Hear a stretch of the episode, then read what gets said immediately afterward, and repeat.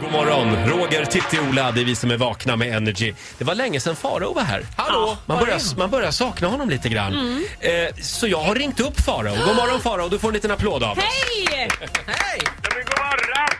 Lever du? Ja, jag lever absolut, men som ni vet i sedvanlig ordning så är det så att jag får ju också ta hand om landet Ja. när det ska skannas av. Just det. Farao, du var på Idolfinal i fredags. Där gjorde jag en hel del intressanta iakttagelser. Bland annat Ja. så är det ju så här att Idol, så här, det är så himla mycket företag som går på det där. Det är ju finansierat av massa olika, Santa Maria och jag vet inte vad det var mer. Många sponsorer blir det. Det blir många sponsorer och det betyder att det var inflation av VIP-gäster. Varenda jävel hade det där guld-VIP-bandet på sig.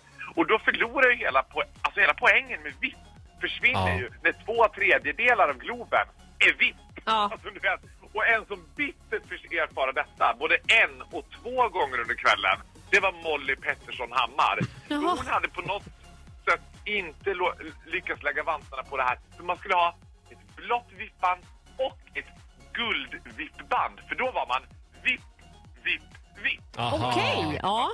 Det hade, hon hade bara det blåa. Åh. Ja. Skum Stackarn. om skum om skam. Men du vet den här känslan när, när vi kommer till Café Opera och kön, det är liksom en enda lång kö och alla de här former Idol-deltagarna tycker ju- alltså de kommer ju och tycker att så här, min bästa tid är nu.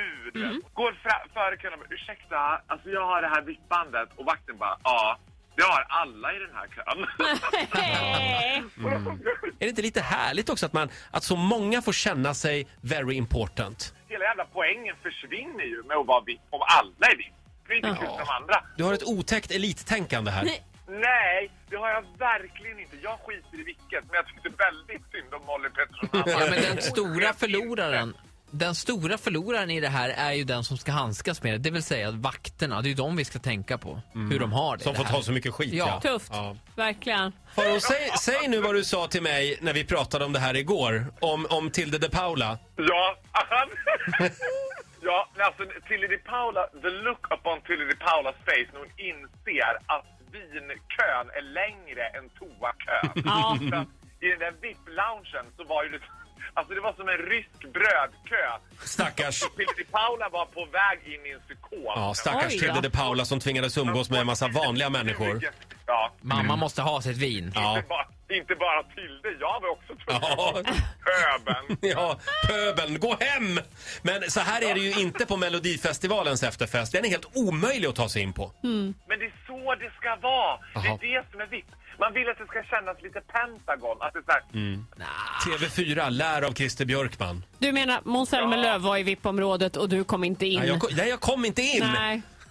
Löst. 20 år i Nej, branschen det är och jag sant. kommer inte Ja, men fler- in! det har hänt mig i flera år att jag Ja. inte har kommit in på den efterfesten. men, men då undrar jag så här, Roger, gjorde du den här då? Ställa sig framför axeln och bara, hej, ja du kanske känner mig. Alltså, Mm. Ja, det vore just likt mig va? Ja, typiskt det. Du, Farao. Kan du komma hem till Stockholm igen? Jag är så trött på att prata i telefon med dig nu. ja men nu börjar jag trivas här i Göteborg faktiskt. Det är ganska gött. Hälsa Glenn. Ett ögonblick bara. Anton, gå in i...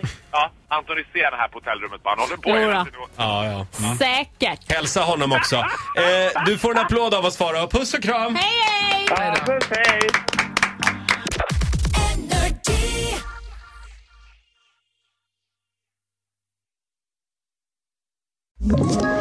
Ett poddtips från Podplay. I podden Något Kaiko garanterar östgötarna Brutti och jag, Davva, dig en stor dos skratt.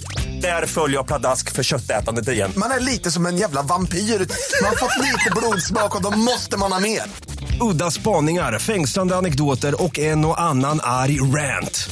Jag måste ha mitt kaffe på morgonen för annars är jag ingen trevlig människa. Då är du ingen trevlig människa, punkt. Något Kaiko, hör du på Podplay. Därför arkadeinerna.